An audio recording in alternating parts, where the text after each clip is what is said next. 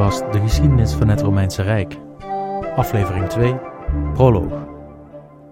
Vandaag kijken we naar de gebeurtenissen die hebben geleid tot de stichting van Rome. Het gaat nog niet over de Romeinen zelf, maar dit verhaal is te mooi om over te slaan en dus gaat de eerste aflevering van deze podcast niet over de Romeinen, maar over Grieken en Trojanen.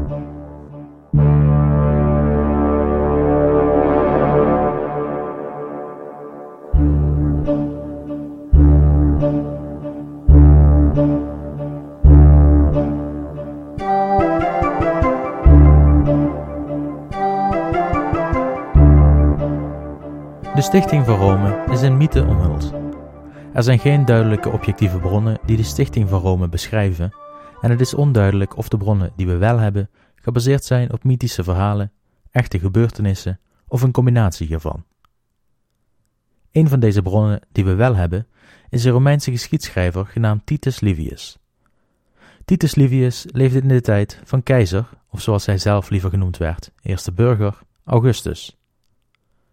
Titus werd geboren rond het jaar 59 voor Christus in Patavium, hedendaags Padua in Noord-Italië, dichtbij Venetië.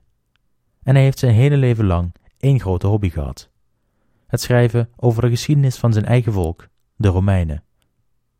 Zonder al te veel in te gaan op de details van het leven van Titus, dit komt vast nog eens aan bod wanneer Augustus om de hoek komt kijken, wil ik even vertellen over wat deze man ons gegeven heeft.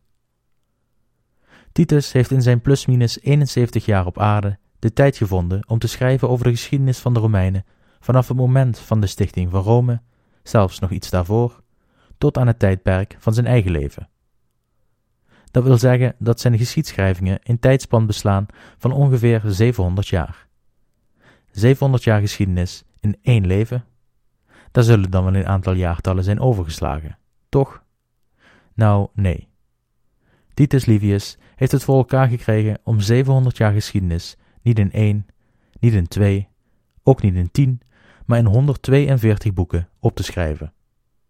Sommige decennia korter dan de andere, soms slechts een paar jaar in meerdere boeken. Livius heeft zijn hele leven lang geschreven zodat de geschiedenis van de Romeinen voor een ieder bekend zou zijn. Helaas voor Livius en allen die de Romeinen in warm hart toedragen, hebben slechts 35 boeken de test der tijden overleefd. Wat er met de rest van de boeken is gebeurd, is mij onbekend. Maar desondanks draagt het levenswerk van Titus Livius voor een groot deel bij aan ons beeld van de vroege Romeinse geschiedenis. Titus, bedankt. De originele Latijnse teksten zijn nog steeds door ons te raadplegen en er zijn meerdere Engelse vertalingen gemaakt van de gehele tekst, als ook een Nederlandse vertaling van de belangrijkste delen van zijn boeken. Deze teksten zijn goed te begrijpen en ook nog leuk om te lezen. Dus voor de luisteraar die geïnteresseerd is in het werk van Titus, even creatief googelen en je bent er. Dan gaan we nu door naar het eigenlijke onderwerp van deze podcastaflevering. We weten niet of de geschreven verhalen over het prille begin van Rome voor 100% op waarheid zijn gebaseerd. Er is archeologisch bewijs voor sommige delen van het verhaal, maar lang niet voor alles. De tijd waar we over praten is immers zo'n 2600 jaar geleden. Wat we wel hebben is een globaal beeld over de verschillende soorten volkeren welke rond 6 à 700 voor Christus in en rond het gebied van Rome leefden. Met deze kennis en de kennis die we halen uit de opgeschreven bronnen zoals die van Livius, kunnen we beide verhalen enigszins aan elkaar plakken. En zou het zomaar kunnen dat de grote en machtige verhalen, in ieder geval voor een deel, gebaseerd zijn op de waarheid. Laten we maar beginnen. Het jaar is ergens tussen 1300 en 1100 voor Christus. Zeus, de Griekse god der goden, sinds jaar en dag woonachtig op de berg Olympus, heeft besloten een feestmaal te geven ter gelegenheid van de trouwerij van twee goden. Alle namen uit de Griekse mythologie, volledige of slechts halfgoden, worden uitgenodigd om aan te schuiven bij dit geweldige feestmaal om het gesloten huwelijk te vieren. Iedereen was uitgenodigd, behalve Eris, de godin van twist en oneenigheid. Wie wil er immers in onrustoker op een huwelijksfeest? De gasten stroomden binnen en brachten allen prachtige cadeaus ter ere van de twee gehuwde goden. Eris hoorde van het feestmaal, waarvoor zij persona non grata werd verklaard, en besloot om toch even haar gezicht te laten zien aan de deur van het huis van Zeus. Ze werd op aandringen van Zeus tegengehouden bij de voordeur, en zoals je je kan voorstellen, werd Eris hier niet blij van. Ze besloot de anderen een lesje te leren en wierp een cadeau van haar eigen door de ingang van de deur richting de andere goden. Het was een gouden appel, met erop de Griekse tekst Kallisti, wat voor de allermooiste betekent. Voor kijkers van de serie Game of Thrones, yep, dan weten jullie ook waar dat vandaan komt. De appel zorgde al snel voor commotie op het huwelijksfeest. Drie godinnen, welke zichzelf als allermooiste beschouwden, raakten in twist en oneenigheid over aan wie de appel toebehoorde. Het waren de godinnen Hera, godin van huwelijk en vruchtbaarheid, Athena, godin van de hemel, en Aphrodite, godin van de liefde en schoonheid. Hera, Athena en Aphrodite konden het niet met elkaar eens worden en zij wenden zich tot Zeus met de vraag wie van de drie het mooiste was. Zeus, een man, wist dat hij zich niet met deze discussie tussen vrouwen moest bemoeien, en uit angst voor de haat jegens hem van de twee godinnen welke hij niet de allermooiste achtte, besloot hij het volgende. De drie godinnen zouden met het vraagstuk naar een zoon van de koning en koningin van Troje gaan, om het probleem voor te leggen. Deze zoon was prins Paris van Troje. Zeus wendde zich tot Paris en gaf hem toestemming al hetgeen van de godinnen te vragen wat hij nodig had om tot een goed oordeel te komen. Wanneer de drie godinnen in het bijzijn van de appel aankwamen bij Paris, stelden ze hem dezelfde vraag zoals Zeus die eerder gesteld had gekregen. Wie van ons drie is de allermooiste? Al twijfelend over welke van de drie bloedmooie godinnen de mooiste was, en met in het achterhoofd de toestemming van Zeus om werkelijk alles van de godinnen te vragen, beval hij de godinnen om hen zelf te ontdoen van hun kleding. Hij bekeek ze even, maar was nog steeds niet in staat om te kiezen, gezien alle drie de godinnen even mooi waren. De godinnen hadden er genoeg van. Ze zullen alle drie gedacht hebben: er is toch duidelijk maar één van ons drie de allermooiste ikzelf. Om Paris tot een keuze te dwingen, bedachten de drie godinnen een plan om Paris, tenslotte maar een simpele sterveling, te verleiden door middel van omkoping.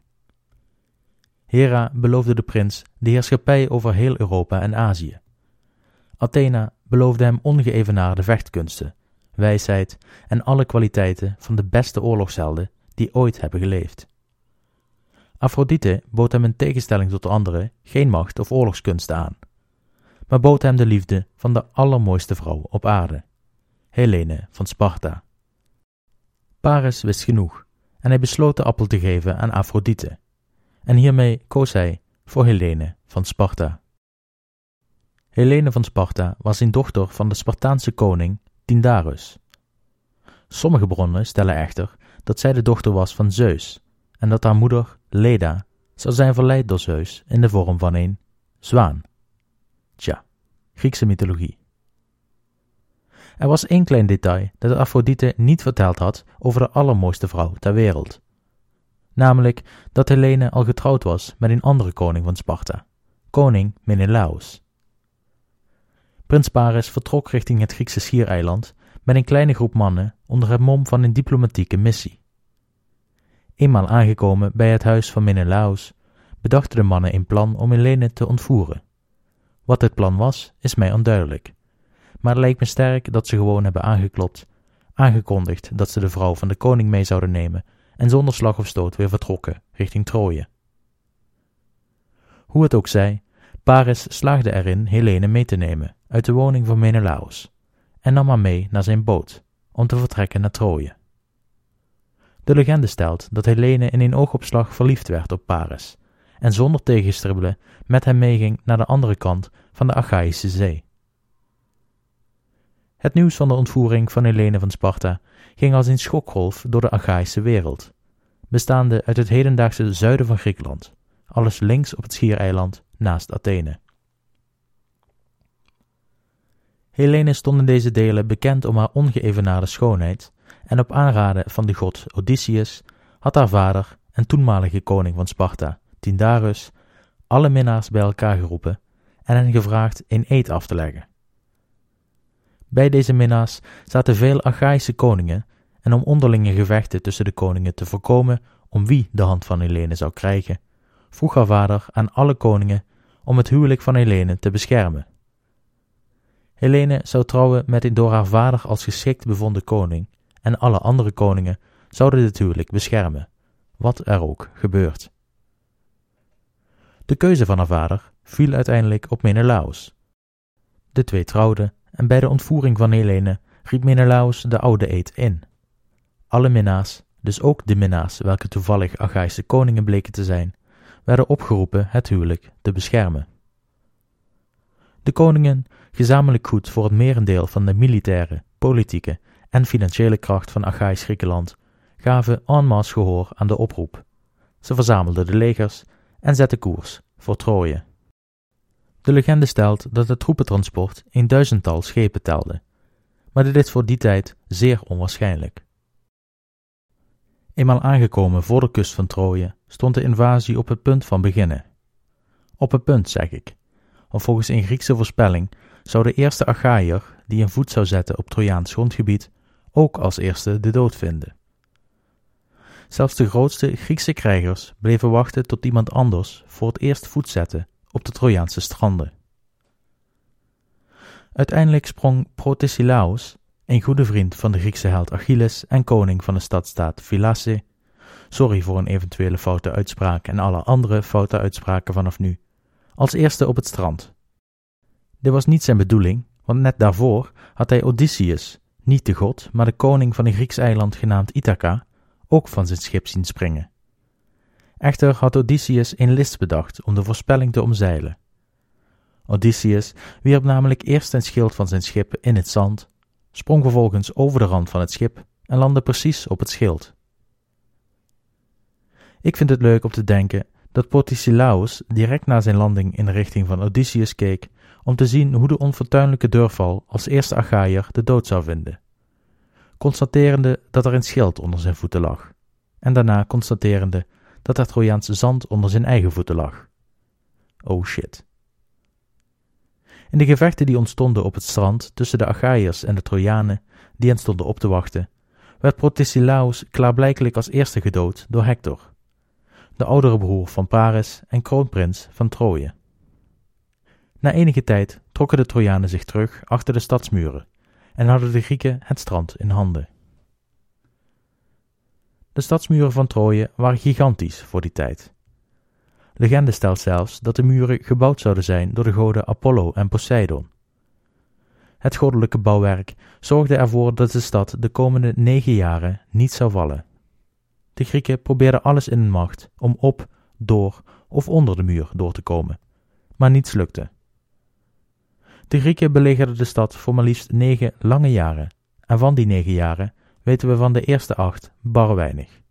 De overgebleven historische bronnen geven alleen een uitgebreide beschrijving van het laatste jaar van de belegering, waarschijnlijk omdat in dit laatste jaar het meest is gebeurd. Tijdens de jaren van de belegering werd Troje nooit helemaal omsingeld door de Grieken.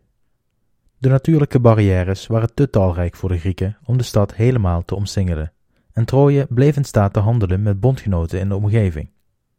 De Grieken waarvan Achilles en Ajax het meest actief waren, vielen de bondgenoten in de omgeving regelmatig aan, en volgens de legende hebben beide heren een tiental steden geplunderd en de omringende landbouwgronden van al het bruikbare beroofd. Aan het eind van de negen jaren werden de troepen van de Grieken onrustig.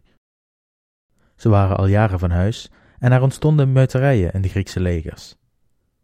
Om de boel te sussen en een eind te maken aan de oorlog, besloot koning Menelaus van Sparta prins Paris van Troje uit te dagen voor een duel. Een gebruikelijk ritueel in de vroege oudheid.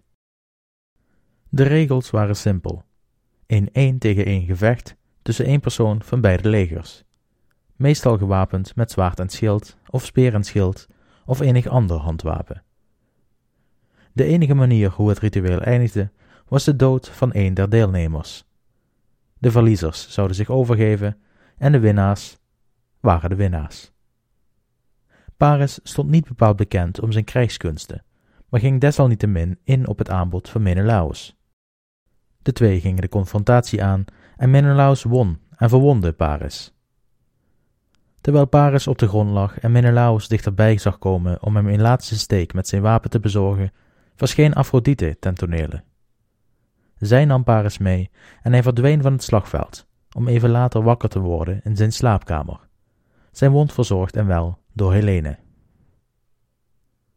Dit oneervol verlies bracht een nieuwe golf van vijandigheid tussen beide legers voort, en de Grieken verzamelden alle beschikbare mannen nogmaals op de stranden van Troje. Dit was de tweede keer dat alle Achaïsche legers aan de muren van Troje zouden staan. De gevechten braken wederom uit, en na enkele dagen hevige gevechten, waarin volgens de legende Afrodite gewond raakte bij een poging haar Trojaanse zoon Aeneas te redden van de dood, onthoud de naam Aeneas, werden de Grieken teruggedrongen richting de kampen op het Trojaanse strand. In de volgende dag braken de Trojanen, met hulp van Zeus, het kamp van de Grieken binnen en brachten de hel naar de slapende Grieken. Het kamp werd in brand gestoken en het scheelde niet veel of de Achaïsche schepen zou inzelfde lot beschoren zijn. De Griekse held Achilles, welke in de tussentijd had besloten geen deel meer uit te maken van de belegering uit onvrede over de tactiek en de duur van de oorlog, werd terug het conflict ingetrokken toen de zoon van zijn goede vriend Protesilaus, je weet wel, de man die als eerste Griek werd gedood op het strand door het trucje van Odysseus, ten strijde strok in het harnas van Achilles en voor de muren van Troje werd gedood door jawel Hector, de kroonprins van Troje. Achilles, woedend om de gevallen zoon, zwoer wraak te nemen op Hector door hem te doden.